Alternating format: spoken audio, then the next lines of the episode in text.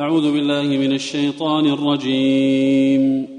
إن الله لا يستحيي أن يضرب مثلا ما بعوضة فما فوقها.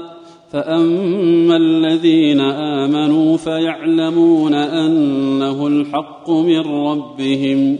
وأما الذين كفروا فيقولون ماذا أراد الله ماذا فأما وأما الذين كفروا فيقولون ماذا أراد الله بهذا مثلا يضل به كثيرا ويهدي به كثيرا وما يضل به إلا الفاسقين الذين ينقضون عهد الله من بعد ميثاقه ويقطعون ويقطعون ما أمر الله به أن يوصل ويفسدون في الأرض.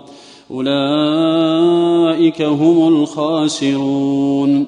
كيف تكفرون بالله وكنتم أمواتا فأحياكم ثم يميتكم ثم يحييكم ثم إليه ترجعون.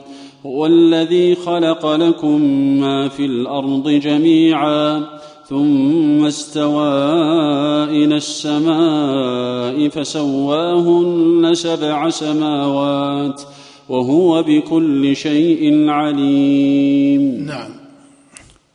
يقول الله جل وعلا إن الله لا يستحيي أن يضرب مثلا ما بعوضة فما فوقها. والله سبحانه وتعالى يضرب الأمثال لعباده ويكون هذا تحريكا لنفوسهم إلى الإيمان ودرءا لما في نفوس بعضهم من الشبهات التي عرضت لفطرتهم وعرضت لعقولهم. فتأتي هذه الأمثال وهذه البينات وهذه الآيات التي يذكرها الله جل وعلا تأتي تنبيها للعقول والفطر وتقويما لها على الصراط المستقيم الذي أو الذي جعله الله سبحانه وتعالى هو الأصل في مدركها. فإن الفطرة خير ولكن البعض قد يخرج عن أصل فطرته وإلا فإن الفطرة هي خير جعله الله سبحانه وتعالى للمكلف. وكل مولود يولد على هذه الفطرة كما جاء في الصحيحين وغيرهما. فيقول الله جل وعلا إن الله لا يستحيي أن يضرب مثلا أي لعباده. سواء كان هذا المثل بالبعوضة أو ما كان فوقها لأن العباد قاصرون في إدراكهم ولا بد لهم من المخاطبة بأنواع الأمثلة التي تدرأ عنهم الشبهات الشيطانية التي يزينها أو يلقيها الشيطان في نفوسهم. ثم هذه الأمثلة المضروبة وهذه البينات من عند الله جل وعلا يضل به كثيرا ويهدي به كثيرا. يضل الله سبحانه وتعالى به كثيرا أن يكون أو أو تكون المعاندة سببا لضلالهم وليس الحق أنه يضل به كثير وإنما المقصود أن هذه المعاندة وهذا الاستكبار وهذا الاعتراض على الأمثلة التي يضربها الله سبحانه وتعالى في قلوب الذين كفروا ما في قلوبهم من الاعتراض والمعاندة يكون سببا لضلالهم فتكون عقولهم حاجبة لهم عن الحق بما خالطها من الفساد والمكابرة. ويهدي به كثيرا وهو الأصل. ثم قال جل وعلا وما يضل به إلا الفاسقين فبين أنه جل وعلا لم يجبر عبدا على الضلال. وإنما الذي ضل إنما ضل بماذا؟ بفسقه. وذكر الفسق هنا لمعنى لأن الفسق في اللغة هو الخروج. أليس كذلك؟ فهو إنما قال وما يضل به إلا الفاسقين أي الخارجين عن أصل الفطرة والخارجين عن أصل الاستجابة.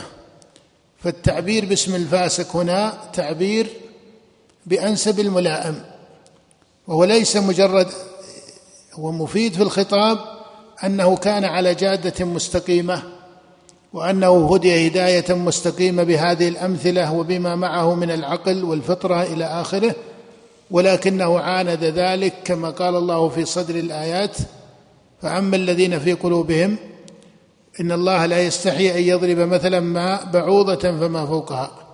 فأما الذين في قلوبهم مرض فيقولون ما فأما الذين في قلوبهم زيغ فيقولون ماذا أراد الله بهذا مثلا.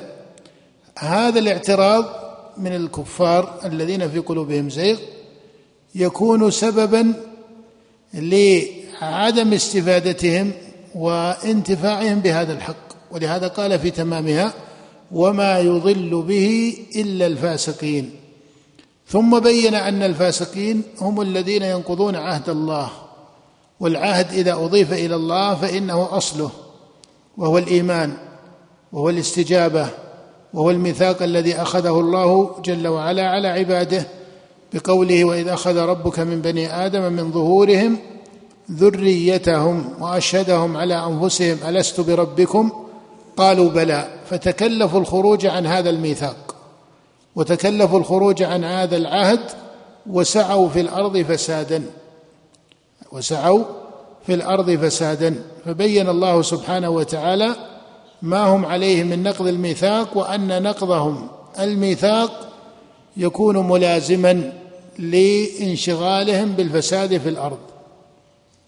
ثم بين الله جل وعلا أن كفر الكفار مناقضة لعقولهم في قوله سبحانه كيف تكفرون بالله وكنتم أمواتا فأحياكم ثم يميتكم ثم يحييكم ثم إليه ترجعون. والله سبحانه وتعالى هو الذي يقلب الأمور وبيده ملكوت كل شيء وهو ربهم وهو خالقهم وإليه صائرون فيكون كفرهم بالله سبحانه وتعالى خروجا عن الاستجابة له وخروجا عن مدرك عقولهم فجمعوا بين ترك الشريعة والدين وجمعوا بين ترك العقل والاستفادة من البينات والآيات التي يضربها الله سبحانه وتعالى لتكون هداية لمن التاثت فطرته بشيء من شبهات الشياطين وتزيينهم له الفساد في أمره. ثم يذكر الله بعد ذلك ما جاء في قصة آدم وخلقه وحاله مع إبليس وكيف كان لآدم في هذه الأحوال من التوبة والرجوع إلى أمر ربه ثم جعله الله سبحانه وتعالى خليفة ونزل إلى الأرض وصار محلا للابتلاء وأنزل الله سبحانه وتعالى على بني آدم البينات والهدى. يهدي به الله سبحانه وتعالى من اتبع رضوانه سبل السلام. هذا ونسأل الله الكريم رب العرش العظيم أن ينصر دينه وأن يعلي كلمته ويجعلنا وإياكم من أنصار دينه وبالله التوفيق وصلى الله وسلم على نبينا محمد.